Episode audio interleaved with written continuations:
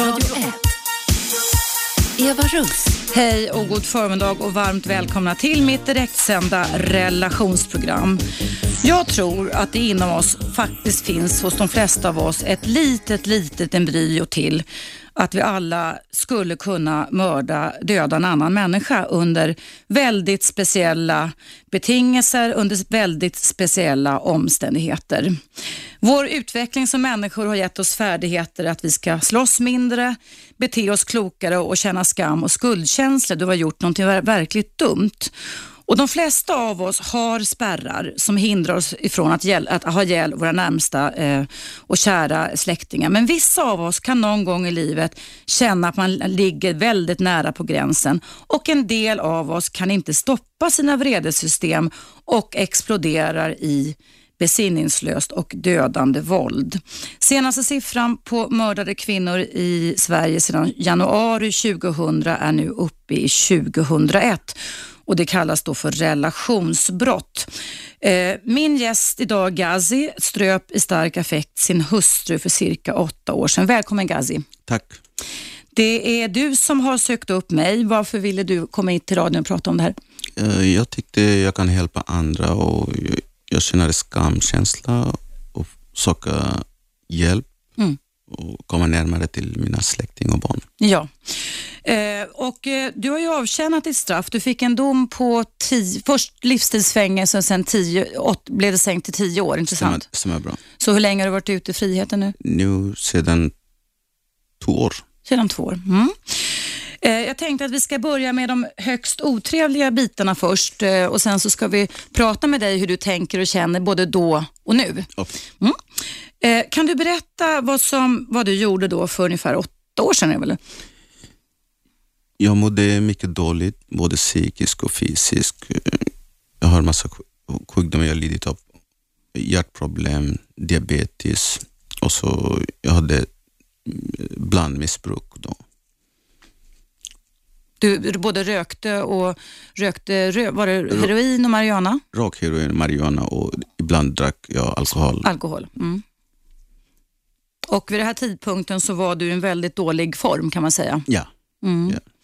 Och eh, du och din fru började att bråka en morgon, var det så? Ja. Hade ni bråkat tidigare mycket eller? Eh, Dagen innan jag fick sparken, då att säga, från hennes företag? hennes företag. Och det är ju givetvis en, en svår situation när man lever tillsammans, Ja. att man inte anses Ja, duglig. Var det så du upplevde det? det, var, det var så. Mm.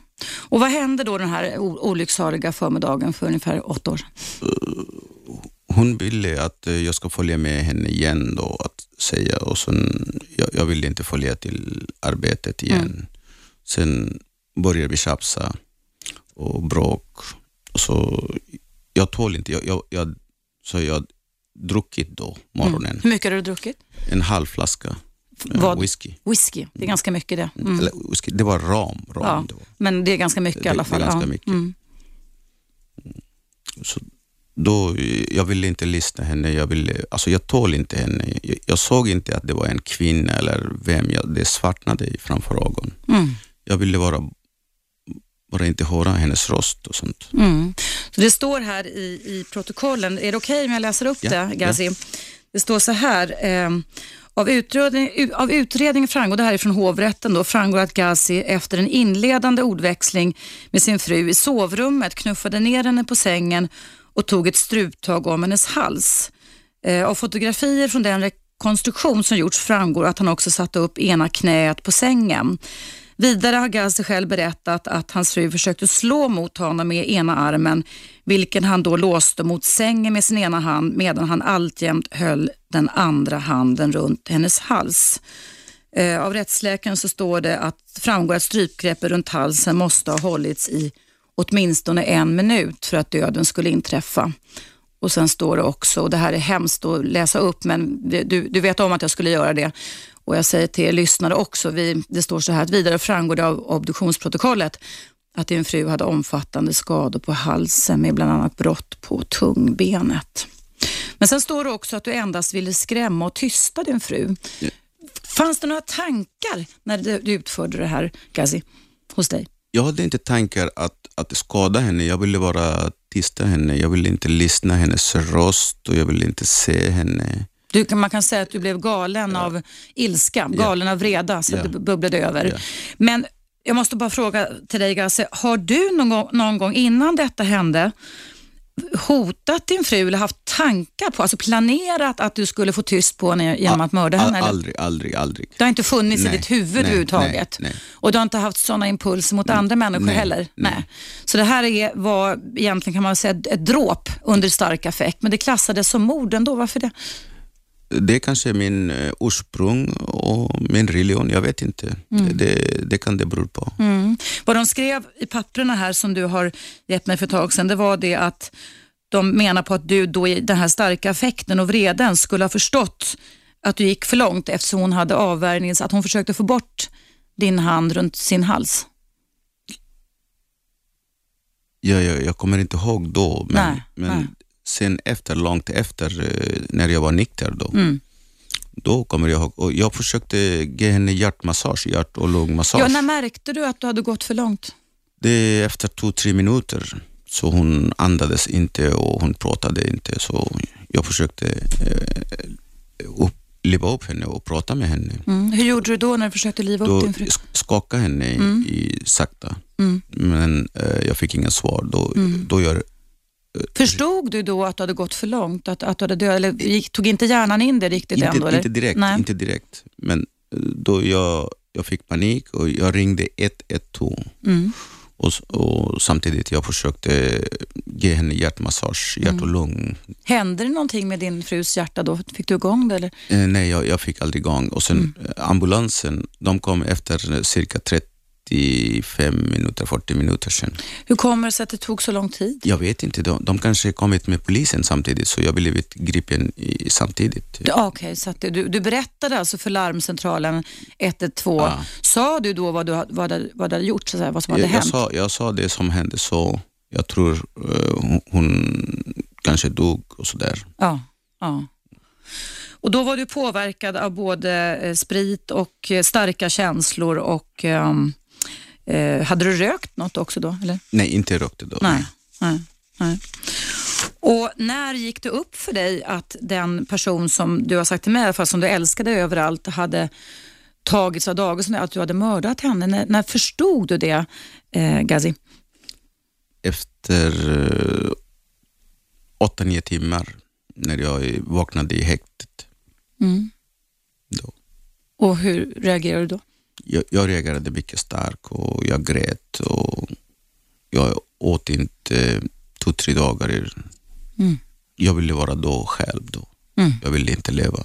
Mm. Du, du ville ta livet av dig? Ja. Mm. Gjorde du något försök där i, Jag gjorde försök eh, ett par gånger. innan du blev dömd till fängelse? Ja, eller? Okej, vad, vad, hur, hur försökte du ta livet av dig? Jag försökte med eh, sängkläder och sånt. Oj, alltså att hänga dig? Eller? Ja.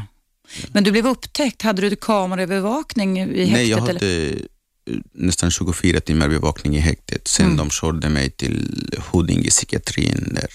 Okej, så du fick åka, till psyk. Jag jobbar ju också på Aftonbladet som dels relationsexpert och Aftonbladet har ju granskat, Kerstin Weigl bland annat, granskat de här relationsbrotten, då, de här kvinnorna som blivit mördare. Då, då ingår ju då ditt brott bland de här 201. Eh, och vad hon har sagt till mig det är det att ungefär 10-15 procent av männen som gör detta i affekt väljer att ta livet av sig för att man har skuld och skamkänslor. Jag har fortfarande skamkänsla, skuldkänsla.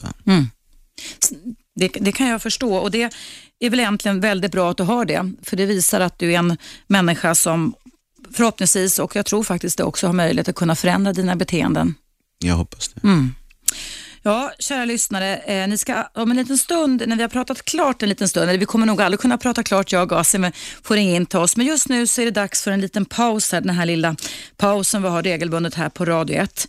Eh, jag har alltså Gazi med mig som gäst ända fram till klockan 12 idag och efter pausen så kommer vi fortsätta att berätta om det här eh, som är så overkligt, tror jag för dig också Gazi, att du blev en mördare. Det var ingenting som var planerat. Det Ja. fanns inte i din fantasi Nej, överhuvudtaget. nej. Nej. Så vi tar en liten paus du och jag också och återkommer alldeles strax igen.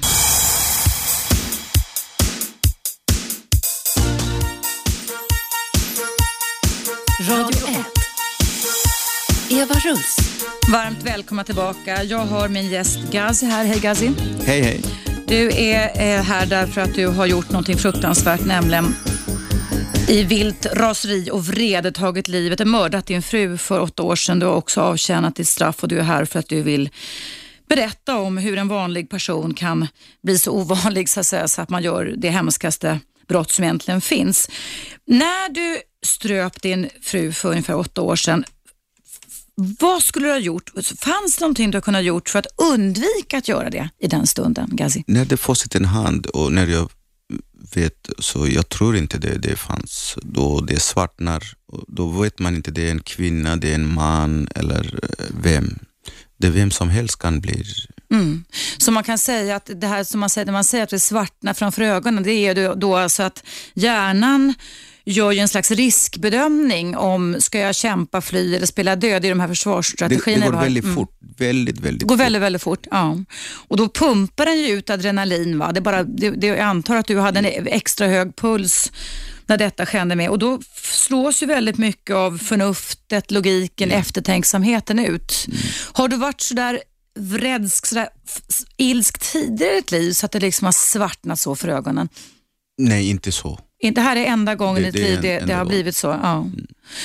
Och, och, så att det, just i den stunden när du alltså eh, höll dina händer runt din frus hals för länge. Det fanns alltså inte några sekunder innan dess där du hade kunnat avbryta dig själv? Om jag skulle vara nykter, mm. då kanske, eller om vi hade pratat ordentligt eller pratat ärligt mot varandra mm. Mm. i relationerna. Du mm. vet.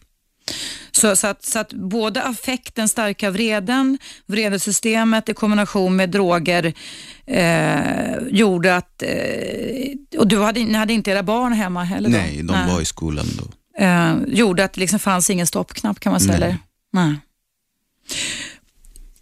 Vad, du, du sa att du reagerade åtta timmar efteråt när du hade ryck, rycknat till, nyktrat till eh, och att du försökte ta livet av dig vid två tillfällen eh, för, på grund av skam och skuldkänslor. Eh, hur, hur tänkte du? Alltså, du har tagit livet av den person som du älskar väldigt mycket. Kan du, kan du berätta lite om vad du hade och även har idag för känslor för din fru som inte finns längre? Det varje dag jag kommer ihåg henne. Jag saknar henne visas ibland eh, matborden, mm. eh, vissa minne mm. när jag lagar mat till exempel, mm. tänker på barnen, mm. tittar på något film. Mm. Hur, hur, länge, hur många år fick ni tillsammans Gazi? 14 år, 15 år. 14 år, ja. Och, och vad jag förstod så var det kärlek för första ögonkastet också, ja, eller? Ja.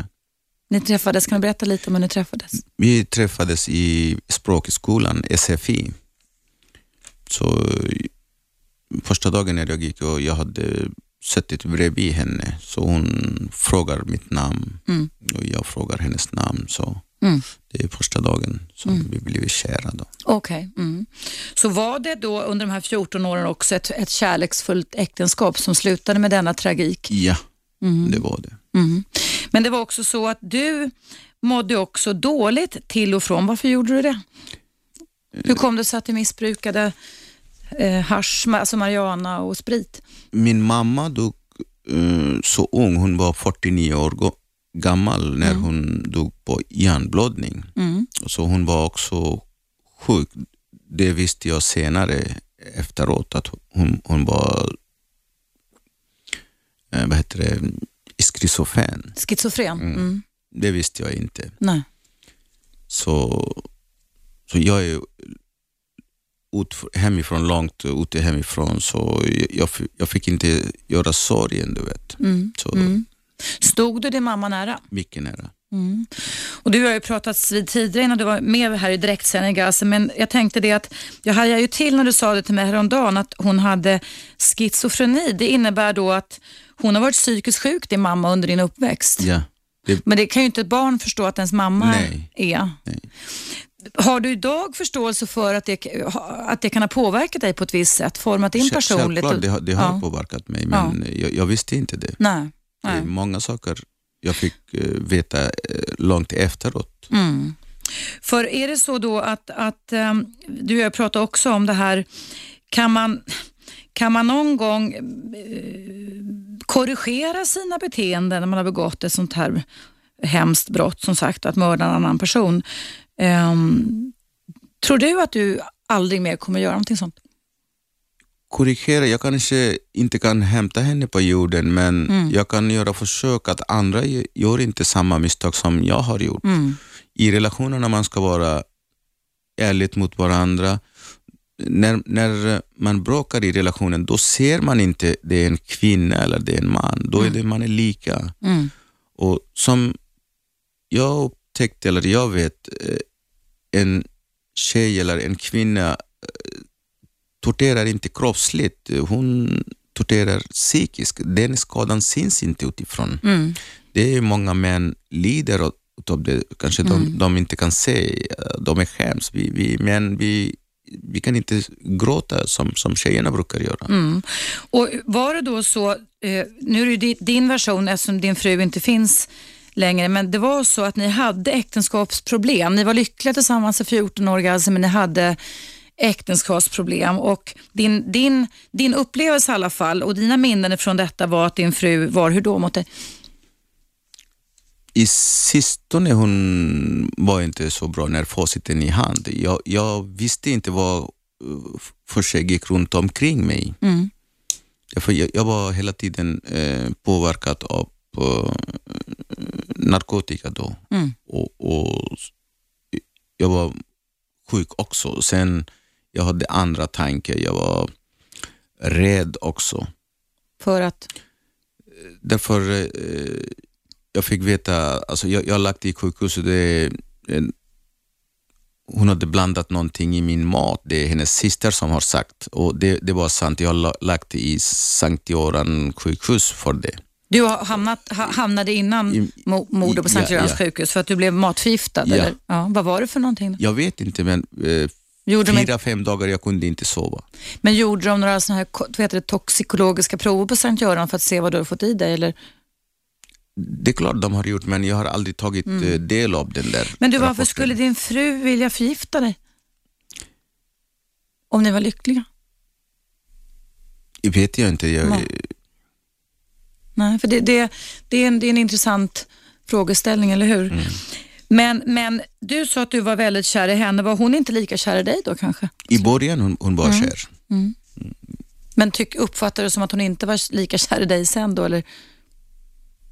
Sen jag märkte vissa saker som, Ja. som hennes syster hade berättat, de, de två var mycket nära och sånt. Mm, För jag har aldrig föl- följde henne som, som spionerar mm, mot sin egen tjej. Nej. Jag tycker det, det är mycket äckligt. Jag är inte sån person. Vad, vad, nu uppfattar jag inte Gasse, vad sa du? Alltså, s- spionera, var går min fru, var går det, eh, Du var inte vem, sån? vem hon pratar med. Du, du var inte svartsjuk och Nej, jag var- kontrollerande, jag det är det du inte säger? kontrollerat henne nej, nej, alls. nej. Men, men ni, det var starka affekter, du hade fått kicken från hennes företag eh, och eh, det fanns någon slags misstänksamhet mellan er. Men du, jag tänker på en sak, alltså det står ju då i och för sig då en tio år gammal psykologutredning, för psykiatrin har ju gått framåt, den gör ju det med stormsteg dagligen, att den psykologen som utredde dig för mordet på din fru säger att du har, får jag läsa upp vad det står om, Ja, om det du Det, göra. står så här. ehm, Eh, Garcia har genomgått rättspsykiatrisk undersökning i aktuellt mål. Han bedömdes ej vara allvarligt psykiskt störd, men så står det så här, erhöll diagnoserna alkoholmissbruk och cannabismissbruk samt bedömdes vara personlighetsstörd med framförallt antisociala drag men också narcissistiska, psykopatiska, osjälvständiga och känslomässigt instabila drag. Det innebär att du skulle ha en röra av en, två, tre, fyra eller fem personlighetsstörningar. Har de, har de behandlat dig för någon av det här? Hade du någon aning om att du hade de här personlighetsstörningarna som den psykologen Nej, jag skrev för tio hade, år jag sedan? hade Nej. ingen aning om det där. Nej. För det är ju då en personlighetsstörning, Gaz, det är ju då när man har under hela sitt liv, som man var liten, har varit utsatt för eh, ja, det kan vara kränkningar, det kan, alltså vissa typer av beteenden ifrån framförallt hemmet där man växte upp i, som formar ens personlighet och gör att man blir känslomässigt instabil, att man blir, stänger av sina känslor. Idag skulle jag väl säga, om, om jag får säga vad jag tänker kring den här diagnosen, är det okej? Okay, ja, det är okay. Idag kan jag säga då att idag pratar man om någonting som heter desorienterad anknytningsstörning, som är alltså en blandning av psykopatologi, narcissism, borderline och så vidare, som leder till att allting är fel, så att säga. Att man, att man kan inte tolka känslor rätt, allting blir knasigt på något sätt. Va? Känner du igen dig i att det var så ditt känsloliv vid, vid tiden för mordet på din fru? Nej, när facit i hand så mm. då känner jag mig och därför jag vill att uh, där ute många folk, ungdomar och människor inte gör samma misstag som jag mm. har mm. Och Du har ju också faktiskt gått i terapi i fängelset. Jag skrev ju en debattartikel som blev väldigt het här i augusti i min tidning Aftonbladet, där jag sa, eller de satte rubriken att några samtal räcker inte för att förändra beteenden. Och det håller du väl med om? Att, ja. men, men, du har gått i, kan du säga hur många timmar du har gått i förändringsarbete med dig själv? Nästan 500 timmar. Nästan 500 timmar. Och Det ska vi prata om efter pausen som kommer här, vad det har bestått av, alltså behandlingen för att kunna hjälpa dig tillbaka till livet. Eh, då är det dags för en liten paus här igen. Jag kommer fortsätta prata med Gazi ända fram till klockan 12 idag. Han sitter med mig här inne i studion. Och eh, Ni som lyssnar eh, och som vill utforska eller kanske till och med stödja Gazi, eh, men inte fördöma, är varmt välkomna att ringa in. Numret är 0200 11 12 13 och eh, temat idag är alltså att jag vill utforska eh, lite hur dina tankar och känslor är efter att du har mördat din fru i stark vrede och avtjänat ditt straff. Så välkomna in och ringa, men just nu så är det dags för nyheter och du lyssnar på Radio 1.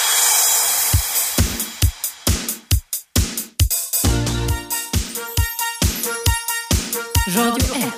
Mm, välkomna tillbaka. Jag har idag en gäst här, Gazi. Hej Gazi. Hej hej.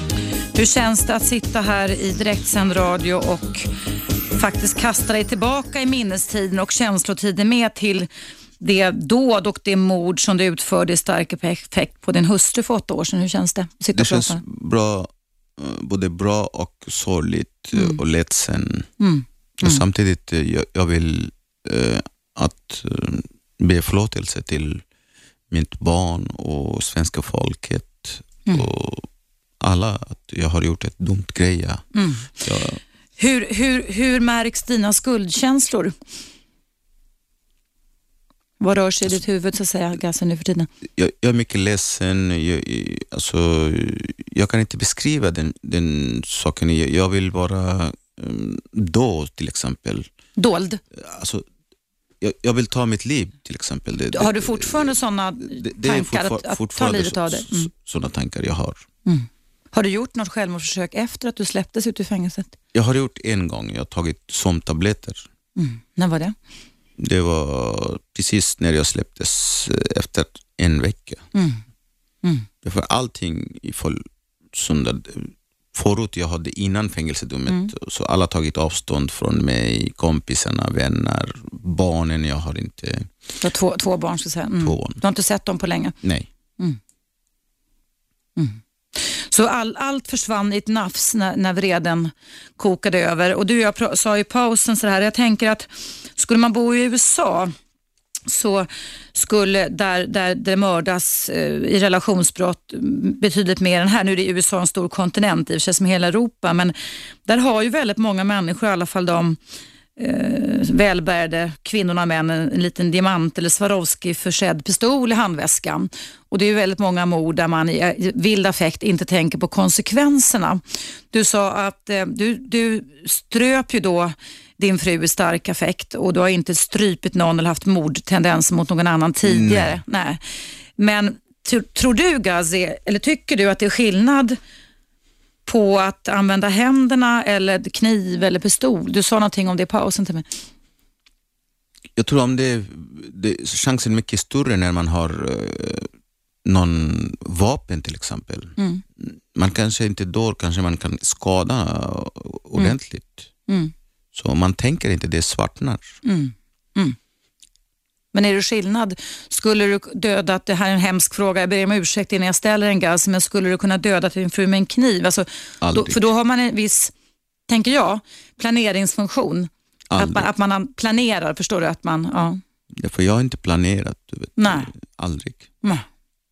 Du, det har kommit in mail här. Jag ska läsa upp ett mail som är riktat till dig, Gas. Okej. Det står så här.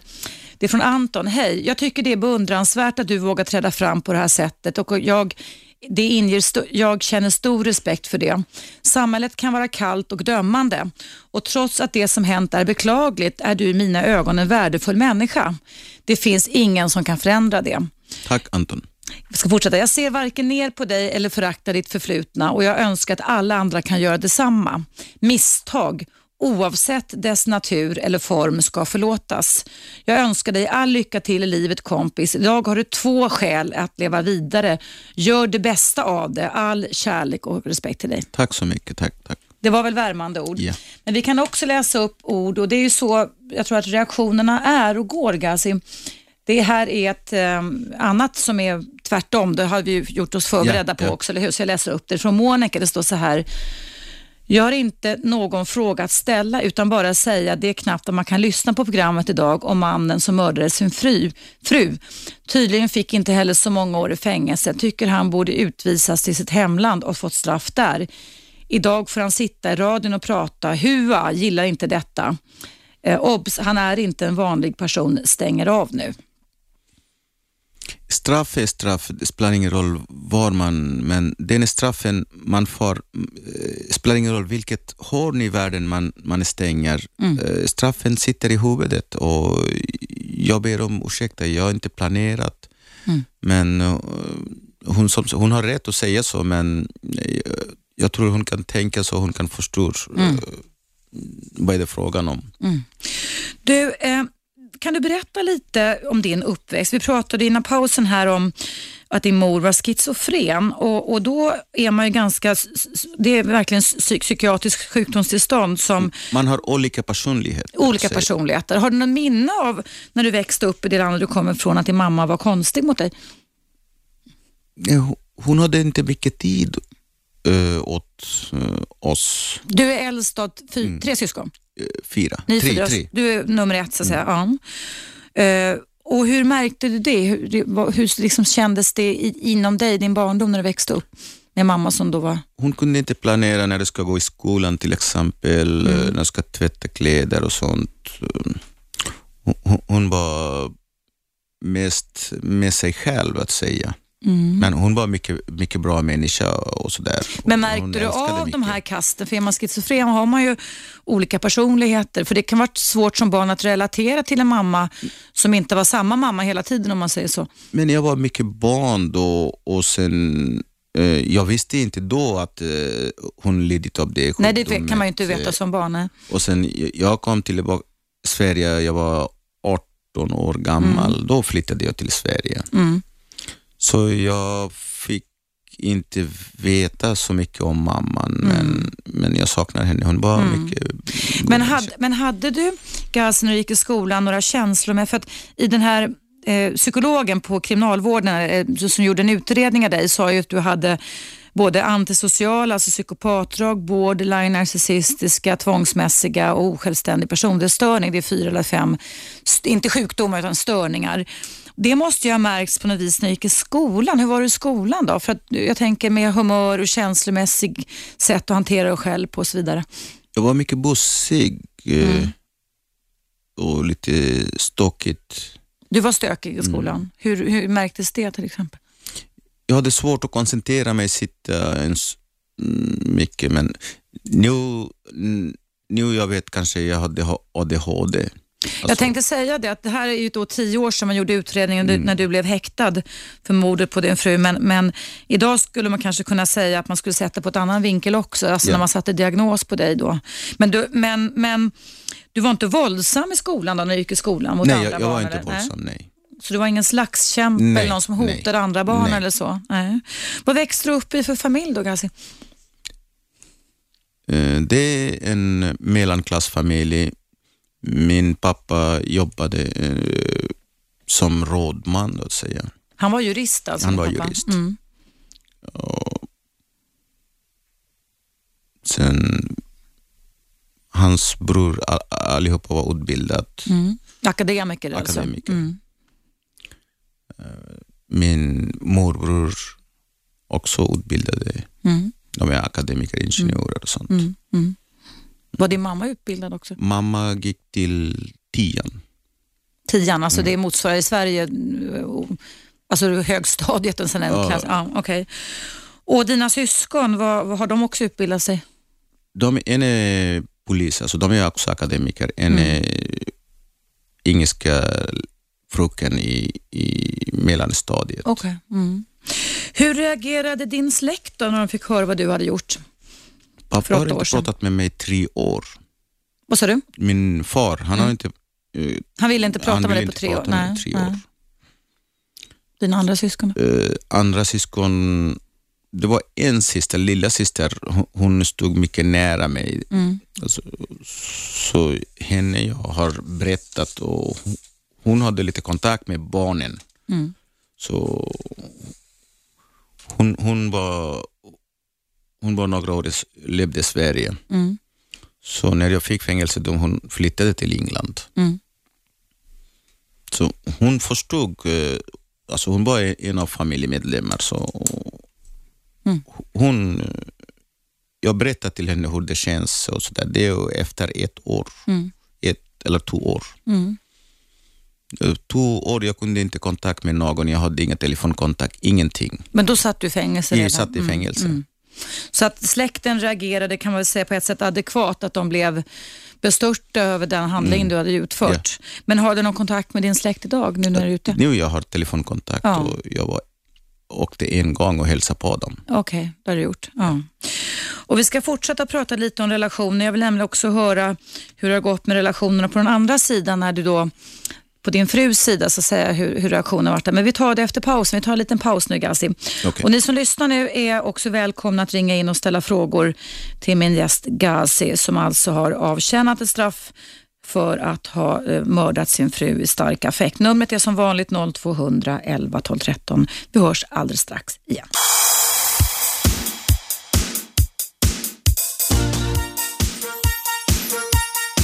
Radio 1 Eva Russ. Ja, välkomna tillbaka. Temat idag är och heter I huvudet på en mördare och eh, det beror på att jag har en gäst här, Gazi. Hej Gazi. Hej hej. Du har modet att ställa upp och berätta om det fasansfulla som drabbade dig i din vrede för ungefär åtta år sedan där du ströp din fru och du har avtjänat ditt straff och idag sitter du och pratar om tankar, skuldkänslor, insikter, avsikter. Det här var ju inte något planerat dråp eller mord utan det var en stark affekt och ja. du har inte haft sådana tendenser tidigare heller. Jag tänkte vi ska koppla in en lyssnare här. Är det okej okay, Gazin? Okay. Mm. Ja, hallå, vem, vem finns på tråden? Eh, Thea Berg, hej. Hej, välkommen till vårt program. Eh, jo, jag ringde därför, jag kunde inte eh, vara, låta bli att ringa då jag har lyssnat och eh, jag, jag har nästan eh, sådan fall i mitt släkt.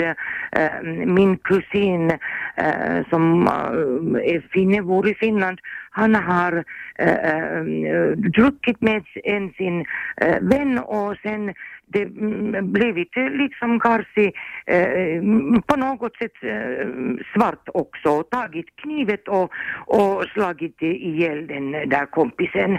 Och, och, och det är jättemycket samma historia som äh, Garcis historia och jag har haft ingen kontakt med mina släktingar Eh, men, eh, men eh, han, han har suttit många år i fängelset och nu hörde jag bara av min syster att han har just kommit ut. Det är någonting sådant provleva Mm. Hur länge har han suttit i fängelse, din kusin Thea? Jag vet inte, det är många år. Många mm. år, jag vet mm. kanske lika många ungefär som Garci. Så därför jag ringde att att det är, jag tackar, det är jättelärorikt och det går många tankar också i mitt huvud, hemska tankar och hur och hemskt och hemskt men, men jag tycker det är jättebra äh, att få höra äh, vad han tycker och tänker så att jag förstår också bättre min kusin. Mm. Vad säger, vad tänker du Gazi? Det stämmer. Jag har sett med folk eh, som eh, dödat sin egen far I fängelset i, alltså? i fängelse. Och sen jag har sett ett, eh, en tjej som har dödat sin mor med 22 saxhugg. Hon var bara 17 år. Oj. Så, Svensk tjej också? svensk tjej och han var en svensk kille också som dödat. Han, han var lika gammal som mig, 46-47 år gammal. Och min, min kusins eh, hustru och barnen har också lämnat honom och, och jag kan bara eh, tänka eh, på då Garci berättade självmordstankar och allt sådant, att vad allt går i min kusins huvud. Mm. Tror du, att det kan, tror du till att det kan hjälpa dig att förstå din kusin som också mördade en person bättre genom att du får får höra hur Gassir berättar nu? Just därför jag ringde. Jag tycker det är jättebra att få höra och, och att uh, kan uh, förstå bättre hur det kan ha hänt och hur eh, svårt det är att uh, fortsätta livet. Mm. Så att jag tackar jättemycket Garci att han kom i radion. Tack så mycket Tia. Tack. Ja, jag tycker det är också strångt att ha någon. Du får fortsätta att lyssna på oss och, och inte minst vår radiostation också Thea. Tack för att du ringde in och kommenterade detta. Tack snälla du. Hej då. Hej. Ja, Gazi, ehm, det kan ju faktiskt göra skillnad när man är med i sådana här sammanhang. Ehm, det kom in ett mejl här. Det är från en lyssnare som heter Peter. Det står så här. Hej, jag undrar varför han mördade sin fru. Det har vi sagt lite i början, men kan du säga en gång till? Alltså svara på hans fråga, Gazi. Jag, jag ville inte mörda henne, men jag ville bara stoppa henne. Jag ville inte höra hennes röst och sånt. Så jag, min vrede var högsta nivå att säga. Jag, Mm. Det svartnade det framför svartnade. ögonen. Samtidigt så stod det ju i tingsrättens och kanske även hovrättens dom att det stod så att du borde ha förstått att när hon försökte avvärja dina händer runt hennes hals att det var livshotande. Men kan man förstå något när man är i sån här svart affekt och man inte ens vet att det är ens fru? Man, för så har du i alla fall beskrivit din upplevelse. Ja. Då, Det är, då en, man- det är en kognitiv dom, så att säga. man tänker på förnuftigt nu, Ja. men fanns det något förnuft eh, och, och tankar framåt, bakåt just då när du var i så stark affekt? Jag önskade jag hade, men tyvärr jag hade inte då. Och det är, är ju det som vi har i våran gamla hjärna, Gazi. Vi har ju i våran reptilhjärna de här oerhört starka reflexerna som för en del människor kan leda till att man fullkomligt går över alla möjliga spärrar i livet och gör någonting som är fullständigt otänkbart. Det stämmer, det stämmer. Fullständigt otänkbart. Du, vi har en eh, lyssnare till på tråden. Ska vi höra vem det är? Ja. Vi se. Ja, hallå, vem finns där? Det är Hudda som finns här. Jag undrar bara typ att det är jättestarkt av honom att återberätta sin historia sådär. Mm. Det måste ju vara känsligt ämne, eller hur? Ja, Det, det Gazi. är mycket Mm. känsligt ämne. Han ser, han ser definitivt inte glad ut kan jag säga här inne i studion när vi pratar om det. Är det inte jobbigt att återberätta då? Du vet, folk utifrån, eh, man tänker, jag kommer från ett annat land, jag bor i Sverige, men jag, jag tänker, jag är en del av Sverige. De, de tänker, och, och de som utanför, bakgrund. utifrån Sverige, just det, jag vill inte använda ordet invandrare, eh, så de mm, misshandlar sin kvinnor eller dödar sin fru. Det är inte, Ja, de det är inte alls sant. Är man invandrare så är det så att det ligger i deras eh, kulturer och rutiner och jag vet inte vad. Det, det, det, det är ingen kultur. Det, när, man, när man slår någon, det är ingen kultur. Det, den är bara en, En handling. En handling, just det. handling. Ja, men det är ändå jobbigt att höra sådär. Men det är ändå starkt. Du får stå på dig. Tack så mycket. säkert få få höra mycket i livet. Tack så mycket. Tack för att du lyssnade. till. Förlåt, ursäkta, vad sa du? Lycka till önskar jag honom. Tack så mycket. Tack så Mm, mycket. tack snälla du, tack för att du lyssnade. Hej då, hej. Ja, det gör det någon skillnad för dig just nu i dina tankar och känslor Gazi att du får uppmuntran, att folk säger att de tycker att det är bra att du berättar om det här mordet och hur du tänkte och kände då nu?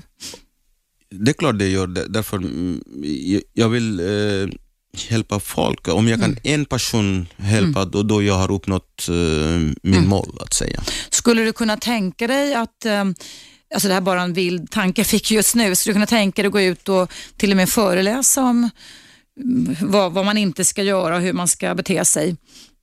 I skolor och sånt tänker jag. Eh, Jag hade en tanke när jag satt inne så kanske i, i framtiden jag ska göra det. Du, eh, du gick ju också i ett antal förändringsprogram för att bara sitta inne leder ju inte till annat än vad du sa, att man blir kåkskadad eller vad sa du? Ja. Men, men kan du berätta lite kort bara, du har ju gått i nästan 500 timmar i en förändrings... Är det en terapi det? Det, det, är, en, det är många Som hette terapier. ETS. Vad står det för? Det är Enhanced Thinking Skill. Enhanced thinking skill, alltså tankefärdigheter som Ja, man ska ja. förbättra helt enkelt. Vad gick den ut på då? Vad fick du lära dig där? Ehm, problemlösning på egen hand, Mm. kreativt tänkande, självkontroll, sociala färdighet, Mm. eh, sen perspektivtagande, Mm. effektivt tänkande. Wow. Och tycker du, vad har du lärt dig kring det här med, för det, det var ju givetvis brist på självkontroll när vredesystemet kokade över som det här eh, mordet då skedde. Men vad, hur, hur tränar man sig i självkontroll? För det är ju verkligen extremt viktigt, liksom problemlösning och kreativt tänkande. Man ska känna också. igen signalerna att Mm. eh, innan det händer, det, det, det bara inte händer bara sådär. Mm. Det finns eh, massa olika faktorer, så man ska känna igen de här Mm. olika signalerna och, och runt omkring också. Fast du, när det här hände då för ungefär åtta år sedan så var ju du påverkad av en halv flaska rom eller whisky Ja. som du sa och sen då är väl egentligen lärdomen den att inte dricka någonting mer. Har du slutat att dricka? Jag har slutat dricka. Mm. Och du tar inte hasch heller? Eller? Nej, det gör jag inte. Nej.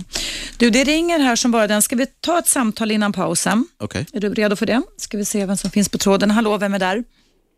Hej, det är Alex här. Hej Alex, välkommen till vårt program. Tack, tack. Ja, ehm, jag tänker bara berätta lite om att eh, först och främst vill jag tacka Gatti att han sa att vi, eh, det här ordet invandrare, det tycker jag, det uppskattar jag faktiskt väldigt mycket för att eh, man mycket. ska inte använda det egentligen på det sättet, självklart. Det är helt rätt, det som Gatti säger. Och sen tänkte jag säga att det finns ju även folk i Sverige och det läser man nästan varje dag på Aftonbladet att eh, även eh, ja, män i Sverige slår ju kvinnor och misshandlar dem. Och, eh, Att sven- det är inte bara utlänningar, är det du vill säga? Ja, att, att det, mm. Tyvärr är det så nu för tiden att man gör en stor grej av det här i media. Tyvärr va. Då, då blir, när en är svensk, infödd är svensk, gör, eh, så blir det ju familjegräl. Men när en utländsk gör, som, som jag skulle inte använda ordet, då blir det ju kvinnomisshandlare, hedersvåld och sånt där grejer, du vet. Ja, att det har ju funnits i flera hundra eller tusen år att eh, det, det, är, inte, det är inget nytt. Va? Nej. Och, eh, jag tänkte bara, det finns i alla länder, Mm. inte bara här i Sverige. Och folk som åker i, till olika länder från Sverige, alltså svenska folk ju, eh, och det är på samma sätt, om man skulle göra samma sak i ett annat land, då säger man, ja, ah, de kommer från Sverige, men det, vi är ju människor. Vi måste tänka att vi är människor, vi kan göra fel i vårt så det, det kan hända vem som helst. Just det. Eh, och när, speciellt när man är påverkad. Det, vi lever i år 2012, det är inte lätt. Det, alla har det stressigt, för alla måste gå igenom mycket varje dag. Va? Mm. Och eh, det, fin- det händer ju också mycket som vi inte läser på media. Det Nej. finns ju också va. Och, um, men jag uppskattar att du kommer att prata om det faktiskt. Eh, och jag tackar dig att du eh, berättade om att man ska inte använda ordet invandrare för att vi är ju människor först och främst. Tack så Det är mycket. det som man måste tänka Mm. på. Mm. Tack. Och tack för ett fantastiskt program. Tack, tack. Tack Alex, tusen tack. Fortsätta lyssna. Ha det bra. Hej, hej. Ja, då är det dags för den här lilla pausen och, och även nyheter här på Radio 1. Du lyssnar alltså på mig, Eva Russ, i mitt dagliga direktsända relationsprogram och idag så är temat i huvudet på en mördare. Det handlar alltså om relationsbrott. Jag har Gazi här som kommer att vara med mig ända fram till klockan 12. Han har blivit dömd för mord på sin fru. Det var inte planerat. Eh, han har aldrig slagit henne tidigare. Han kommer, han, han kommer inte ha de färdigheterna, säger han själv. Och han har också gått i ungefär 500 timmar beteendeförändring inom kriminalvården. Ett program som heter ETS och vi ska fortsätta prata om det efter pausen. Om du vill ställa frågor till Gazi eh, i första hand då, så kan du ringa in numret 0200 11 12 13. Och nu tar vi en liten paus och hörs alldeles strax igen.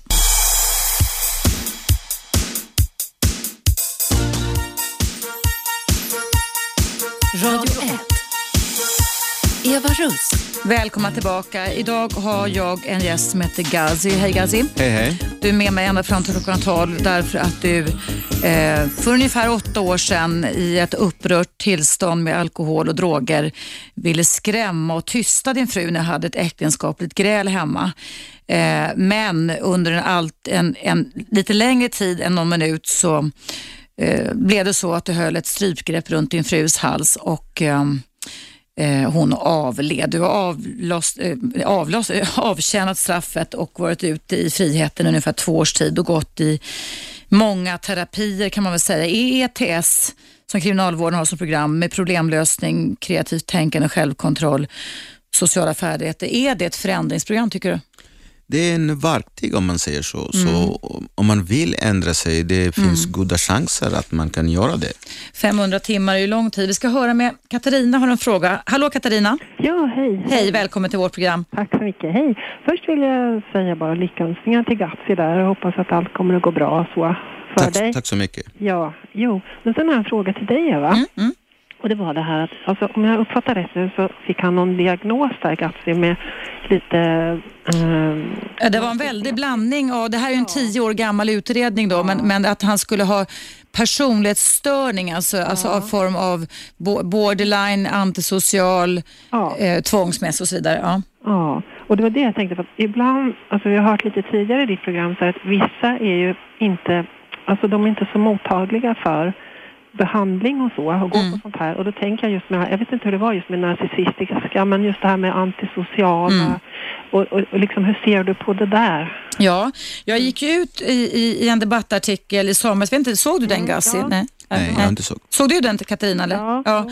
Där, de, där jag sa att några samtal räcker inte när det gäller hotfulla misshandlande män. Ja, precis. Eh, och, utan beteenden förändras över längre period. Typ det som i alla fall Gassi hävdar att han har förändrat nu eh, sen han, han, under tiden han satt i fängelse.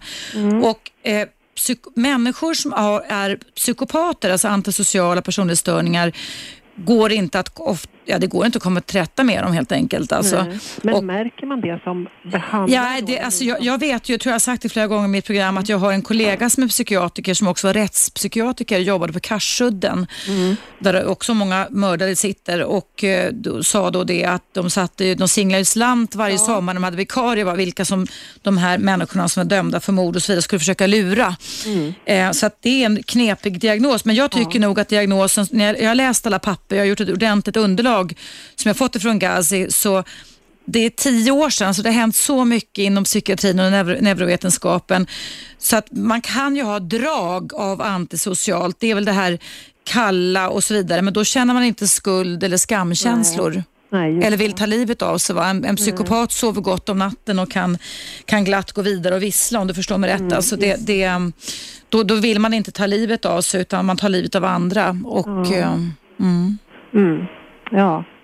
ja, men det var det jag ja, lite tack för att du lyssnar på oss. Det, Ja, är bra tycker jag att du vill ringa in och prata med oss också. ja, det var bara trevligt att få göra det. Tack så Okej, mycket. Ja. Tack ska ni ha. Hej då. Hej då. Hej, hej, hej. Ja, ehm, du, eh, hur, hur förändrad känner du dig nu då? Du dricker inte och du röker inte hasch längre som du gjorde vid tiden för det här dådet när du mördade din fru. Men hur vet man att du är förändrad då, Gazi? Hur ska man kunna veta det? Eh, när jag går ut och jag känner mig kroppsligt, eh, alltså jag, jag kan tänka klart nu. Du kunde du inte göra då? Nej, då jag kunde Mm. inte göra det, bara tasslade och då, då kom tankarna från a- alla håll att säga. Mm. Jag hade mycket svårt och sömnsvårigheter. Nu jag har någon slags medicin också samtidigt. Mm. Mm. Som, som du sa, att det kommit nya mediciner i psykiatrin och sånt. Har de gjort någon ny psykiatrisk bedömning på Nej, dig? inte den här för- in, Inte ska de än. göra det då eller? Eh, Jag väntar. Jag, jag går ju till psykiatrin och sen smärtkliniken jag går. Varför går du på smärtkliniken? Eller det, till? det, är en, det är en smärta som, som syns inte utifrån. Mm. Så Alltså en du har en kroppslig smärta i kroppen. har det Kroppslig dykt upp smärta. då efter mordet eller? eh, det är efter mordet, just det. Efter, Var har du ont någonstans? alltså hela kroppen, ibland i huvudet och ibland i ögonen. Det Det är, flyttar. Ja.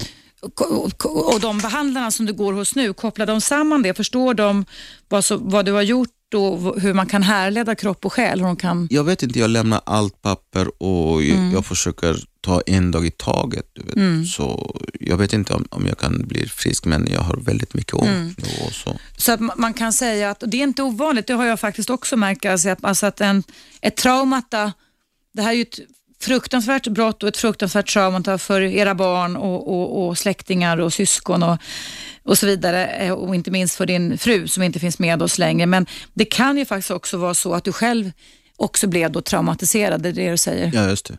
Du blev traumatiserad av ditt eget dåd om man e säger så. Eget handling, just det. Ja. Du, jag ska läsa upp ett brev här. Det eh, står så här. Hej Eva och Gazi. Min pappa dödade min mor 1995 när jag var tio år gammal.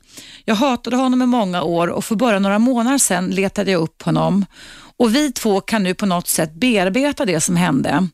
En sak vet jag att det inte är bra för barn att bära på så mycket ilska och ledsenhet. Jag började med droger för sex år sedan, enda sättet att bedöva smärtan. Jag förlorade mor och far också.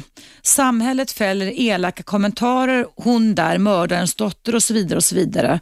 Men min poäng är att leta upp dina barn även om de inte vill. Innerst inne behöver de dig, tro mig. Det gör jag varje sekund, du ska veta. Mm. Och jag gör allt för dem och att andra barn inte hamnar i samma situation. Mm. Därför barnen, barnens bästa, vi gör allt. Mm. Vi älskar och vi fixar familj. Mm. Allt gör vi mm. för nästa generation. Mm. Men du var inte, slog inte och misshandlade din fru eller barn? Jag inte slog inte, men jag, jag bråk bråkat hemma, jag har bråkat, jag slängde saker och ting. Jag visade min arg. Mm. Eh, en gång jag har bankat min huvud på väggen. Ditt huvud? Så, ja, mm. jag, jag, oftast jag har skadat mig själv okay. mm. än, än att skada andra. Mm. Så då har du haft förut, när du och din fru var osams, en stoppknapp kan man säga? Ja. Ja, det, men den här dagen funkade inte det? Jag, tror, jag känner inte många familjer, men jag tror det händer alla familjer. Mm. Man bråkar med ja, ja, ja. sin motpartner någon gång. Mm, mm. Du, vi ska ta ett kort samtal till. Är du beredd på det, Gazi? Ja. Mm. Jenny, hallå? Hej, mitt namn är Jenny. Ja, hej, välkommen till mig och Gazi. Tack, jag sitter och lyssnar här. Jätteintressant och jättemodig är du, tycker jag. Tack så mycket. Eh, jag var bara lite nyfiken på just det här, när du insåg vad du hade gjort. Eh, även fast du var påverkad så tillkallade du ambulans och så kunde man försöka... Ja, det, det gjorde jag direkt alltså. Ja, Men de okay. kom inte efter 35 eller 45 minuter sen. Ja, ja, okej okay, då förstår jag. Ja, det var det jag var lite... Mm. Sen också, jag själv har en far som har ja, gjort en del oförlåtliga saker. Men jag vill bara säga också som barn att man, man älskar alltid sina föräldrar villkorslöst. Och jag hoppas verkligen det kommer en dag där du får återta kontakten med Tack så mycket. med dina barn. För trots att de inte har någon mamma så lever faktiskt du fortfarande. Och mm. Jag tror på förlåtelse. Tack så, mycket. Mm. tack så mycket. Lycka till med allt. Tack, tack. Tack snälla Jenny. Ja, vi ska fortsätta här efter pausen. Jag har alltså Gazi här i studion ända fram till klockan 12 idag som dömdes för relationsbrott för ungefär åtta år sedan där han i vild vrede, det svartna för ögonen, hjärnan kokade över, också på grund av både, inte bara vrede men också droger och alkohol eh, ja, ströp sin fru och dömdes för mord för detta och har nu varit ute i friheten ungefär två års tid. Eh, men just nu så är det dags för en liten paus här på Radio 1. Vi hörs alldeles strax igen.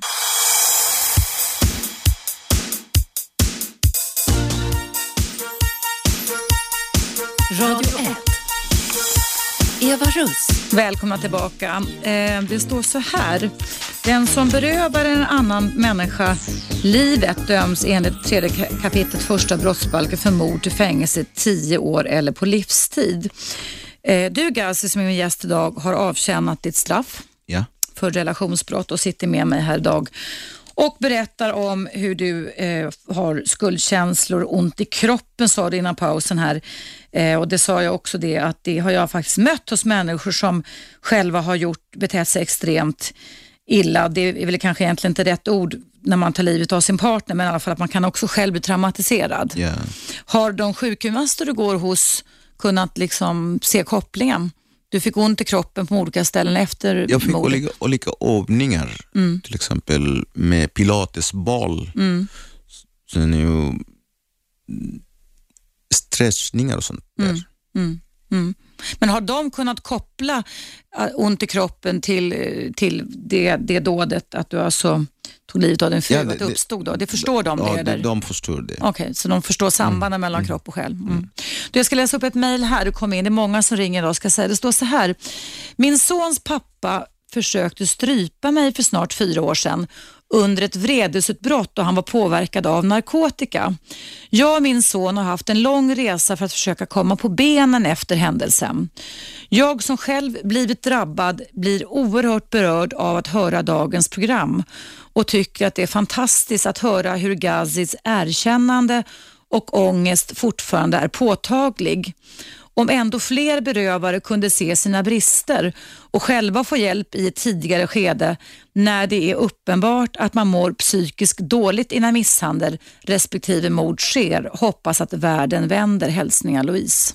Tack så mycket Louise. Eh, Det är bara min tanke att eh, de som är runt omkring i familjen, Mm. när man har barn speciellt i, i relationerna, då inte, man behöver inte döma, peka på med pekfingret Mm. och sådär. Mm. Eh, Då kan man förebygga sådana här händelser som Mm. jag har orsakat till. Mm.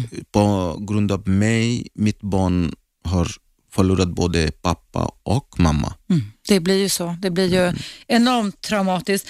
Men du, du sa till mig eh, när vi förberedde det här programmet också, Gaz, att du fortfarande älskar din fru som inte finns längre. Kan du berätta hur dina tankar går kring henne? Därför, eh, det, det hon, hon är ju en, en del av mig om man säger så. Jag älskade henne, jag älskar henne. Därför mm. ju våran kärlekssymbol, det är ett barn. Mm. Så om jag, om jag säger jag älskar inte henne, då, då blir jag, jag ljuger. Mm. Så du älskar din fru fortfarande som inte finns längre? Ja. Är hon begravd här i Sverige också? Ja. Går du till hennes grav något? Jag gick inte bredvid graven på grund av jag måste ha tillåtelse från mitt barn. Okej. Så eh, den dagen jag går, jag går med, med barnen dit. Mm. Så det, det har de ändå relaterat till dig och sagt? Eller? Ja. Jag tror det jag, har Mm. sagt. Mm. Jag har pratat med hennes syster, eh, konstigt nog. Din, din frus syster? Min frus syster, lilla syster. De var mycket nära och eh, vi hade mycket roligt. Hon, hon är en mycket fantastisk människa. Hon har förlåtit mig, hon har förstått, så jag har berättat till henne. ja. Vad sa din, din, din mördade frus syster när hon förlät dig? Ehm, hon, hon sa det, hon pratade i telef per telefon nästan två timmar. Hon frågade varför det gjorde. Hur länge sedan var detta, Gazi? Det är precis när jag släpptes efter tre dagar. Två år sedan ungefär? Ja, Mm. ungefär två år sedan. Och hennes man, att min svåger, eller hennes Ja, svåger. Ja, han har besökt mig i fängelse två gånger. Mm. Ibland då och då jag pratar med honom. Men, men hur säger din frus, din svägerska då, alltså, det, som har förlåtit dig, hur, hur, liksom, hur sa hon till dig? Vad, och vad hände med dig när du fick höra att du var förlåten? Eh, det, det kändes jättebra. Det, det, det kändes jättebra. Mm. att eh, mm, Jag har inte tvingat henne, det är hon som ringde mig och när jag fick höra att, eh, att hon, hon förlåtit mig i mina egna öron, Mm. då, då jag fick eh, en knuff eller, i ryggen att eh, det var inte mitt fel. Det var mitt fel Mm. fast eh, eh, på, på grund av mig som jag, jag som dödat min fru. Mm.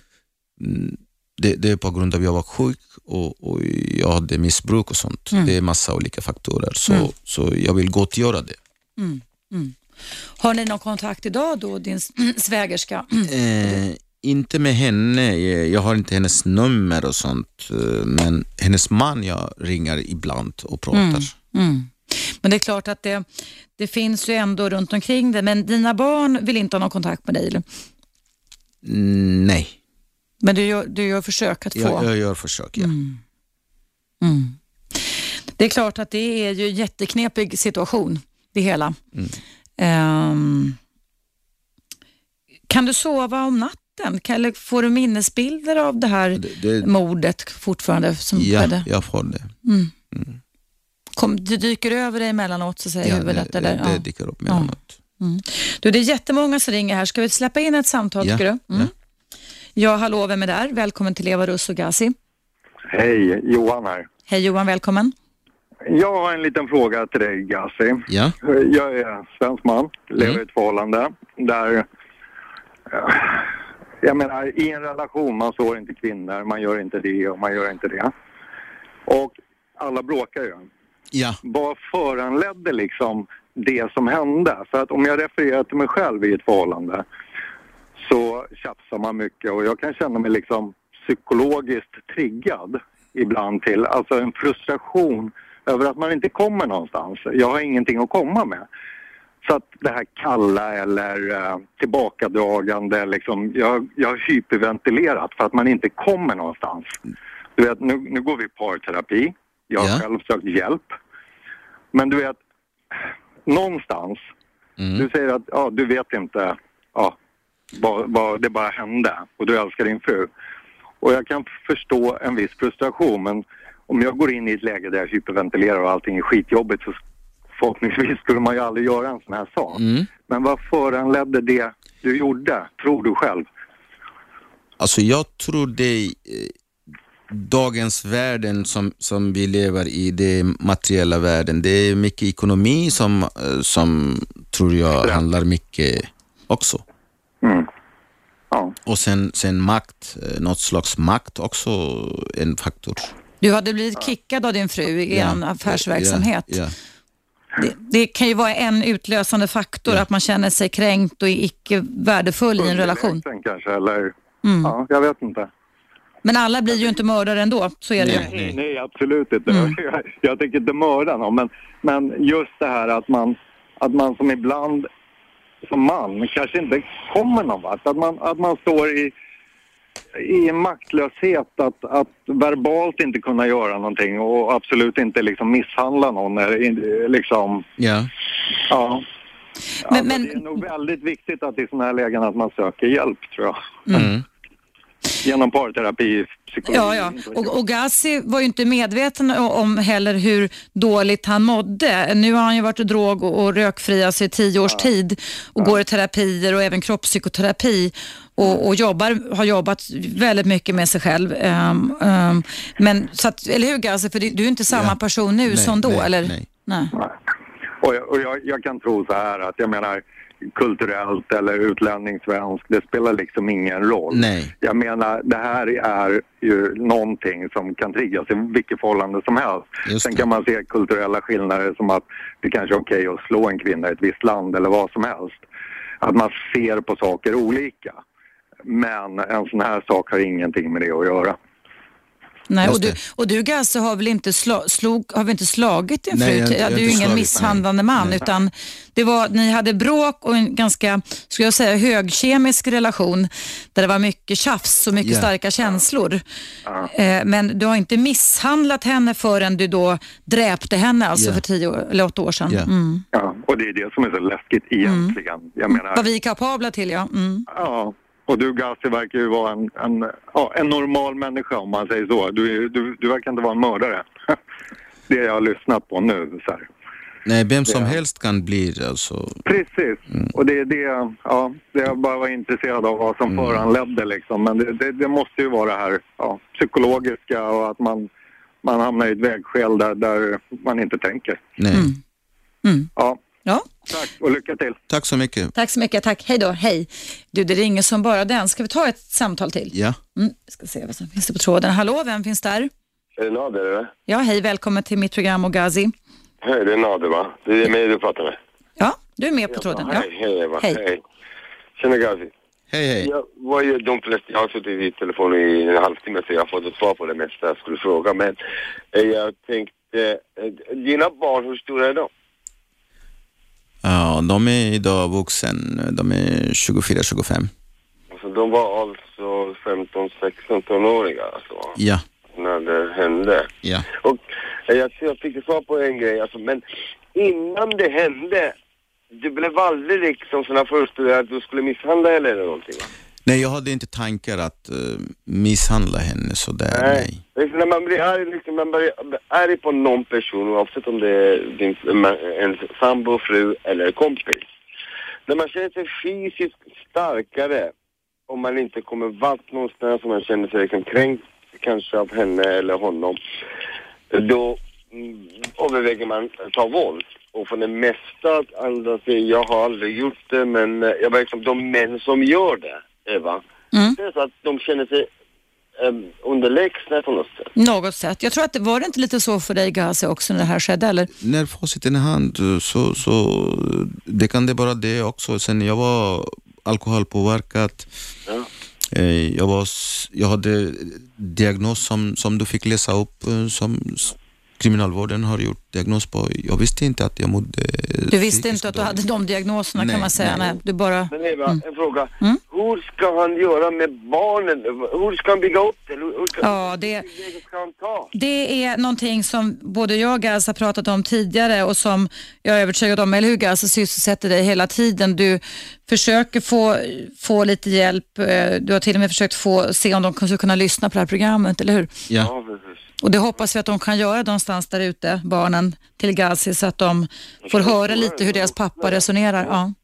Ja, för det här som Gazi säger har det bevisat, det var bara en gång förseelse och det hände och han är mm. självklart ångerfull. Och han har ju dem också, han älskar dem och de älskar honom ändå. Mm. De kan inte ta det där steget kanske. Nej. Det... Men finns det något sätt att gå, ta, äh, gå framåt? Liksom, det finns sätt att ja. närma sig problemet och lösa? Det, man kan ju tänka sig någon, någon form av, jag nu bara spånar jag lite han hade, någon typ av medling, någon form av terapi, gruppterapi, jag vet inte, alltså något, något sånt skulle man kunna tänka sig skulle kunna vara, vara någon något sätt. Har det inte varit något försök till sånt där, Gazi? Ja, jag försöker eh, via släktingar eller sociala myndigheter och sånt. Nej. Och de svarar bara vad då? Eh, de säger de är vuxen och ja, så vi kan inte göra något. Nej. Mm. Ja, det är kom komplext det hela. Du, Nade, tack så jättemycket för att du väntade så länge och ringde in och lyssnar. Lycka till. Tack så mycket. Mm.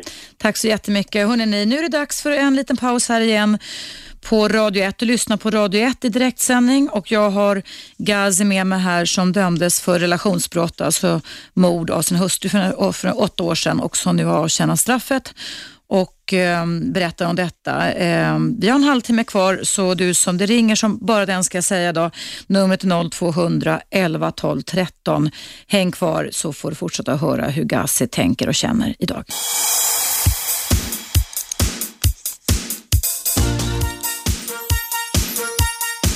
Radio 1. Eva Russ. Mm, välkomna tillbaka. Jag har Gazi här med mig i studion ända fram till klockan 12 eh, som eh, berättar om hur han tänker, känner, resonerar både efter att han då i stark vrede och under drogpåverkan eh, mördade sin fru genom strypning för åtta år sedan. Och då Gazi så fick du diagnosen när du väl kom in i kriminalvården att du led av både aggressivitets och självkontrollproblem och narcissistiska, psykopatiska, osjälvständiga och känslomässigt instabila drag. Det hade du ingen aning om innan att du hade. Borderline också. Ja, just det. Borderline också, just mm. det. Men sen står det så här i papperna ifrån rättegången då att diagnoserna efter vårdepisoden blev maladaptiv stressreaktion, akut stresstillstånd, nervsammanbrott med nedstämdhet och så vidare. Fick du ett nervsammanbrott ja. efter att du hade mördat ja. din fru? Ja. Mm. Det är kanske det som också sitter fast i kroppen. Du, ja. nu ska vi ta och koppla in Hector som har fått vänta ganska länge. Hej okay. Hector! Ja, hej! Välkommen till oss. Tack så mycket. Eh, jag ville bara tala om för eh, Gassi att jag, eh, jag har jobbat som andret coach, det vet du Eva. Ja. Mm. Eh, tidigare och det, bland annat så har jag gåvan att kunna känna av andra personers energier. Och jag känner i Gassis energi att han har en stor sorg han bär på en stor sorg. Han, han, har, han är ångerfull alltså, för det han har gjort. Och det, det signalen som jag får är att Gassi, du behöver förlåta dig. Det där det kommer din problem med kroppen. Själen behöver ha frid. Och först när du, du har fått förlåtelse från din fru. Hon har förlåtit dig för det du har gjort. Men nu kvarstår att du själv förlåter dig. När du förlåter dig själv och inser att det du har gjort, du kan inte förändra. Du kan inte ändra det. Det som har hänt har hänt. Men du kan ändra dig. Du behöver inte göra om det. Mm. Vad tänker du Gassi när Ja, Hector ja. säger så? Tack så mycket Hector. Jag, tänker, jag bara vill eh, säga tack så mycket du, ni stöder mig. Jag vill bara komma närmare mitt barn. Då jag känner mig att jag, jag fick någon förlåtelse från dem. Det jag väntar på. Alltså, det är viktigt att du mår bra. Om inte du mår bra, då kan du inte eh, göra att dina barn mår bra. Och för att du ska må bra, då måste du börja med att förlåta dig själv. Så att du kan få förlåtelse från många andra personer från hela världen. Men så länge du inte själv förlåter dig så kommer du fortfarande inte må bra. Men hur tänker du Hector att Gassi skulle tänka då? då? det är att alltså, det som han har gjort, det, alltså, det kan han inte förändra. Jag är en person som alltid har jobbat med energier. Jag kan, det kan tolkas som flummigt, alltså, men det tolkar inte Mm. jag som flummigt. Mm. Men, alltså, men när jag får eh, med- meddelanden från energier från personer som har avlidit Mm. och meddelar till personer som fortfarande befinner sig i det fysiska livet, Mm. då brukar, eller alltid utan undantag, så har dessa energier har talat om för mig att Mm. hälsa den här personen som lider att den här personen är förlåten. Alltså, jag, Men hur ska, hur ska Gassi, jag tänker, förstår du Gassi vad Hector menar? Ja, han- menar att jag ska, eh, precis som man belönar sig själv, så man ska förlåta sig själv. Ja. Kan du göra det någon gång i ditt liv tror du? Jag kan göra det, eh, tror jag, när, när jag fick mm, barnen. Dina, dina barn, dina två barn, och de skulle kunna, Ja. de kanske aldrig kan förlåta dig, men de kan möta dig i alla fall. Alltså, det är det jag menar. Att jag kunde ber- berätta till dem. Hur det gick till. Men vi hoppas att i alla fall en av dem lyssnar på det här programmet idag. Alltså, det är inte du som gjorde det. Det var ditt, vrä, ditt vrede som gjorde det. Mm. Alltså, om vi, om, om vi har våra gaser där och vi tar bort vrede, vi tar bort droger, vi tar bort alla effekter, bieffekter, Mm. så är det bara du kvar. Så det var inte du som gjorde det, utan det var påverkan Mm. av det som du led av just då som orsakade situationen. Mm. Om du förstår vad jag är ute efter. Mm. Ja, det är värt, väl värt att tänka på. Du, vi måste gå vidare lite nu. Tack snälla Hector för att du vill hjälpa Gazi att tänka rätt efter det här fruktansvärda dådet. Tack för att du lyssnar. Varsågod och lycka till. Tack, tack. Ja. Hej, hej. Eh, vi ska ta in ett samtal till. Orkar du med dig Gazi? Ja. Mm. Jessica, hallå? Nej men hallå! Hej, välkommen tillbaka. Hej, Ja. Tack, tack. Eh, jag vill bara först börja med att, att ge en stor eloge till Gassi och mina tankar. Eh, Tack så mycket. Jättemodigt tycker jag att- träda fram offentligt efter detta. Eh, jag hade lite funderingar bara kring barnen. Nu är de vuxna idag. Eh, två barn, vad jag Ja, förstod, ja. 24 och 25 år gamla, precis. Eh, min fundering var ju också sådär, vad fick de för stöd och hjälp när det här hände och efteråt, det vill säga från barnpsykiatrin, sociala myndigheter och så vidare. Och sen så tänker jag, alltså, alltså fortsätt, fortsätt söka upp kontakten med barnen. För det är ju också precis som Eva sa, att de kanske aldrig kommer kunna förlåta. Men ändå liksom möta dig någonstans. Ja. Eh, och det kan faktiskt också ta väldigt lång tid. Det har vi ingen aning om. De Nej. är ändå i en känslig ålder fortfarande, precis börjat i vuxenlivet. Ja. Eh, men jag tycker att du ska fortsätta. Ha tålamod och fortsätta även om du får vänta en 10-15 år Tack så innan mycket. du kan Tack möta barnen. Tack snälla Jessica. Tack. Lycka till i Hej, hej, hej. Hej. Tack, vad härligt. Vi ska plocka in ett samtal till innan pausen. Hallå? Välkommen till Eva Russ och Gazi. Hej, Amanda heter jag. Ja, hej. Hej, hej. Eh, jo, jätte, jätteintressant eh, det som han berättar om och, sin historia. Det, min fråga är gällande hans missbruk runt omkring eh, cannabis och alkoholen. Hade han varit missbrukare länge av det? Ja, jag har eh, sedan 14 års ålder. Okej, okej. För, för, för då, min fråga är, ehm, om du inte hade haft det här missbruket, då, tror du någonsin att du hade hamnat i den här situationen med din fru då? Sen jag har en- en diagnos också, du vet den borderline och sånt, eh, psykiska biten. Så jag, jag tror inte jag hade hamnat, nej. Nej, Nej för det, det, jag tänker... för det, det jag tänker på är att den här typen av situation, även över, alltså, eh, våld i nära relationer, grov kvinnofridskränkning och till och med mord. Många av dessa fall är faktiskt i, i, i samverkan med en, en, någon form av missbruk. Ja, ja. Och inte minst alkohol. Och det där, det där kan jag bli lite ledsen över att det inte belyser sig mer. Utan när väl händelseförloppet, när det har hänt, så börjar man tänka och fundera. Vad, herregud, var har jag hamnat någonstans? Mm. Och, eh, och jag, jag, jag ser det på lite närmare håll eh, då jag jobbar inom kriminalvården faktiskt. Och, eh, och jag, jag tycker det är jätte, jätteläskigt när jag ser unga människor som har ett jätteproblem runt omkring alkoholen och de ser inte problematiken. För att de kan komma undan med det ett och två och tre, tio år men en vacker dag så händer det någonting riktigt, riktigt allvarligt. Just det. Och jag, jag känner just det här, och det jag tänkte på just den här killen som var inne på att du ska förlåta dig själv.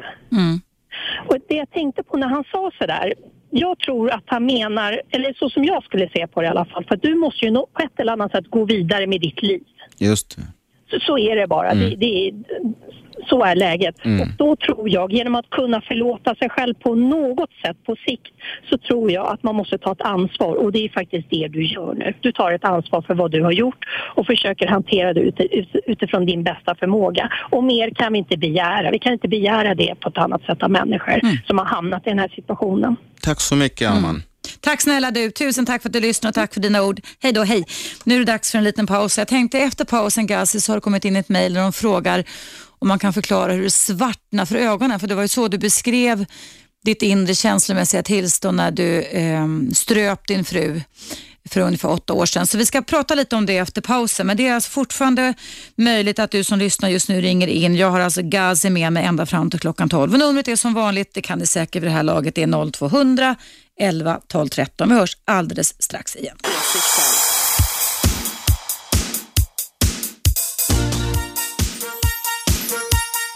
Radio 1. Eva Russ. Ja, varmt välkomna tillbaka. Min gäst Gazi här är med mig ända fram till klockan 12. Tiden går ju fort, eller hur Gazi? Hur Ja. känns det att sitta här och berätta om din livstraumata och historia? Det känns både bra och eh, lite sådär också för eh, hur skulle folk tänka och Mm. Hur känns det nu med de reaktioner du har fått? Vi har fått en del som är skitförbannade så säga, och en del som verkligen vill stötta dig och tycker att du är extremt modig och stark. Jag är beredd på det. Min huvudsakliga önskan att jag får förlåtelse och, och belysa folk att eh, inte göra samma misstag som Mm. jag har gjort Mm. och sånt. Mm. Jag sa det att du får gå hem och lägga dig och vila efter det här samtalet med mig här för att det är ju energikrävande. Du, du har ringt, vi ska prata med en kille som heter Rickard som är anhörig till en mördad syster. Är det okej? Ja. Mm. Hallå Rickard. Hej. Hej, välkommen till mig och Gazi. Tack. Jag har inte hört hela programmet. Jag vet inte vilka som inte hade förlåtit. Hans barn har inte förlåtit och eh, någon bror, eller vad var det för något? Eh, hennes bror. Hennes bror. Det, jag, kan jag, förstår, jag förstår henne, för min syster hon blev mördad 94. Och eh, visst, jag har väl förlåtit. Jag resonerar så här att mördaren, han var också full. Och jag menar, tyvärr för mig så är det det. Jag har ju valt, Eh, jag har pratat om Eva tidigare, jag har ju valt att inte äh, några droger. kunde bli för om jag var i dåligt skick, om man säger psykiskt då. då. Men grejen är det att eh, jag, jag, jag, jag måste säga det kan vara nog svårt för dina barn och bron att förlåta för du har ändå förstört så mycket. Och eh, det är alkoholens fel, jag säger det. Men eh, du har ju själv valt och druckit. Förstår du? Det är ingen annan som har valt det. Då när du drack den här eh, nästan halva eh, rommen då, då och då flydde ju du. Och sen jag kan samtidigt hålla med dig, det finns fruar som täcker oss män psykiskt och eh, gnappar som man blir tokig. Men eh, du hade borderline... Eh, no, de, de, Diagnos efteråt ja, efteråt precis, har de kommit fram till det. Ja. Ja, men då måste ju den ha funnits där också. Oh ja, det finns ju med. Och då är, kan man också överreagera på hot och fara och känna stark rädsla och fara väldigt snabbt. Ja, och sen att det var jobbigt. Du hade precis blivit av med jobbet vad jag uppfattade det som. Ja, fru, hans fru ki- kickade honom från sitt företag. Ja, och sen så, ja det var ju synd att hon tog den diskussionen med han på morgonen. Det var, det, det är beklagligt men Ja, jag har svårt med... Det tar lång tid innan folk förlåter. För mig så eh, är 17 år, men min resonemang är okej. Han får sitt straff i alla fall. Jag själv kommer inte göra något och jag tror inte de andra kommer göra något. De har inte gjort något på åtta år. Då hoppas jag att de inte kommer göra något heller.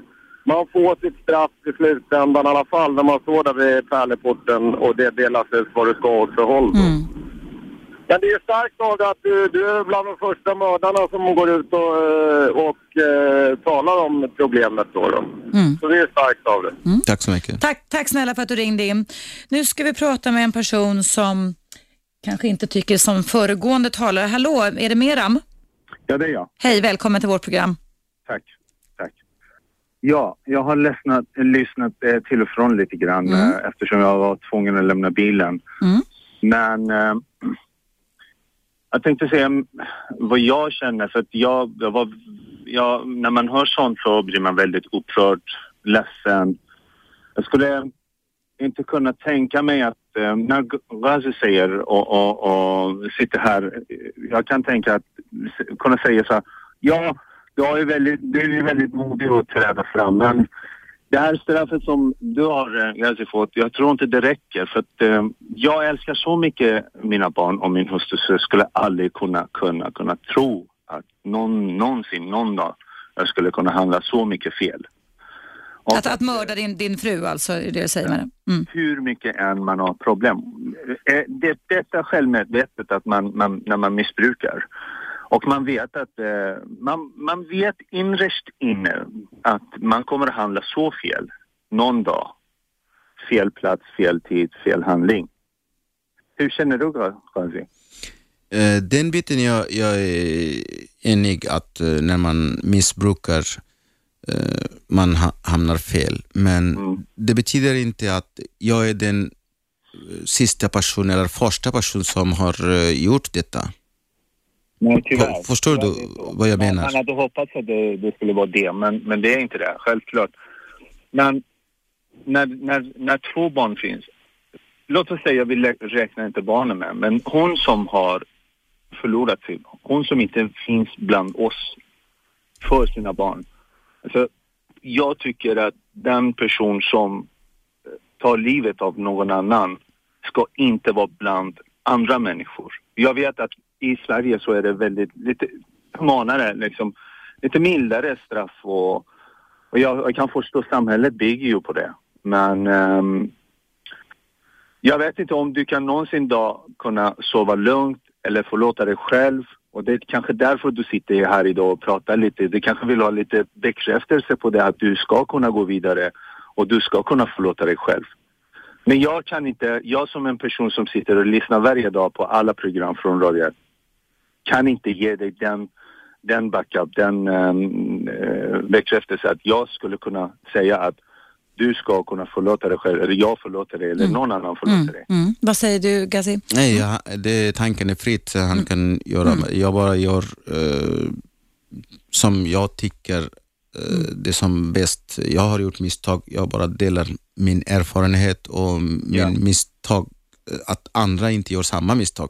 Självklart. Mm. Det, är- Och det, är- det är väldigt, det är väldigt, eh, det här är, det här är bra att du har gjort. Det, det kan vara ett steg till... eh, Vi får hoppas det, verkligen. Tack snälla du för dina åsikter och tack för att du ringde in. Du eh, Gazi, det har kommit in massor med mejl här idag också. Det står så här. Hur ser du på att hantera en framtida partners fördomar kring det tidigare brott? Eller om du har någon nu, hur har ni hanterat detta? Eh, jag har inte nu, men i längre framtid om jag träffar på någon eller så jag måste berätta allt som, som det hände. Skulle inte hålla hemligt, nej. Nej. Mm. Mm. Vill du leva i en parrelation igen? Utan kärleksparrelation, eh, jag vill inte leva så. Om, om det finns kärlek så Ja, om det självklart. finns kärlek. För det, Ja. det var trots allt eh, 14 år av kärlek mellan dig och Ja. din fru som du då mördade. Vi ska höra här, det står så här också. Eva har ofta hört att det svartnar för folk. Jag har inte upplevt detta själv, men jag undrar vad det är som händer i hjärnan när det blir så för en del människor och vad beror detta på? Det har jag i och för sig vidrört idag också. Kan du säga någonting om det? Eh, jag kan säga någonting också, men jag tänkte om du, du som är min gäst Alltså, som, idag. som jag berättar svartnar, att man, det, det är som natt, det är mörkt, man ser inte. Är Du såna här- såg inte att det var din egen fru det- du ströp sa ja, du? utan är det, var, skygglappar, man ser inte. du det, såg inte vad du gjorde Nej. med händerna runt Ja, hennes strupe? Ja. ja. Men sen, vreden satt i, det är, ju, det är ju så kan vi säga då att det är ju då ett enormt samarbete med hjärt-kärl och hjärnans eh, bedömningssystem, riskbedömning. Så att i den ögonblicket när Ghazi tyvärr då eh, eh, ströp sin fru med båda händerna runt hennes hals så var då förnuftet helt utslaget, alltså den nya storhjärnan utslagen och det pumpade garanterat, eller hur Gazi, adrenalin och noradrenalin i något nå, så otroligt mycket och säkert också massa stresshormoner, kortisol och hjärnan som du sa, du, du, så, du tänkte inte på att det var din fru som du älskade. Ja. Jag var Men- he- men det- helt bedövad. Du var helt bedövad, men Ja. efter att, det, var, efter att hade, det här tog ungefär en minut ungefär att br- bringa livet av henne. Då kvicknade du till kan man Ja. säga. Och det var då du började med hjärtmassage och ringde till Till 112. 112 som i sin tur, det kan man också fundera lite över, tog 40 eller 30-40 minuter på sig. Du, vi har ett samtal här. Riyadh, hallå? Ja, hallå. Hej, välkommen in till mig och Gazi. Tack, eh, tack för din fin program och tack till Gazi. Han är stark och sitter och pratar om allt den där. Det enda jag vill säga till dig Gazi. Eh, den här som du har gjort, du kommer att leva med den. Men försöker göra din bästa och bevisa som en god människa efter allt straff som du har fått. Och när de kommer barn, dina barn, de kommer att se vad du gör under ditt liv som du kämpar och bevisar som en god människa. Jag tror de kommer få förtroende med tiden. Men det tar tid, ja. Ja. Det är första. Det första. Och andra, jag vill säga en sak till. Alla vi som kommer till det här landet som kallas nya svenska. Det kräver mycket tid från oss till att vi anpassar oss i det här landet. Och sen det finns en fakta i det här samhället som vi bor. Uh, det finns, vi, när vi kommer in i det här samhället, uh, det finns en fakta, alltså vi har olika status i det här landet och tyvärr att vi får, vi får olika fördömningar. Ja. Och det menar jag, folk som kommer till exempel från Mellanöstern, de har helt annan status som de kommer till exempel från Mm. europeiska länder. Man kan, man kan ju tänka, ursäkta man kan ju också tänka, för Gazi jag pratade om det innan, att hur tänker vi och resonerar kring Knutbymordet där den här flickan var det synd om som satte pistolen mot huvudet på, på hans fru? Eh, Eller hur? Det är en svensk, den svenska flickan som nu är Sara utsläppt, Sara, Svensson, Sara Svensson hette hon. Hur, där där liksom tycker vi synd om henne och vill återanpassa henne till samhället. Är det för att hon är svensk då kanske? Eller? Ja visst gör man det, Mm. självklart, självklart. Men det menar jag, det här jag säger någonting, allmänhet som vi kallar nya svenskar i den här landet. För att vi har olika status också. För att jag behandlar helt annan sak med svenskar om jag kommer från Mellanöstern. Och det blir helt annan beteende om jag Sociala ordning att säga. Ja. Du vet du vad, vi måste avrunda nu. Tack snälla Riyad för att du ringde in här och engagerade dig. Och jag vill då säga avslutningsvis till dig Gazi, tack så jättemycket för att du ville vara med här idag. Tack så mycket. Känns det bra att du var med tycker du de här två timmarna? Det känns bra. Mm. Det var starkt och strångt av dig och det tror jag du kommer att bära med dig i ditt fortsatta liv där du ska förändras. Och Det kanske finns anledning, vi ska prata om det sen, att du återkommer till mitt program vid annat tillfälle. Därmed säger jag tack för mig, tack till Gazi och vill du lyssna på programmet i sin helhet i repris så går det då i repris klockan 19.00 ikväll på Radio 1. Men du kan ju alltid lyssna via appen och via eh, Radio 1 Play också. Tack för idag och jag hoppas på återhörande imorgon igen.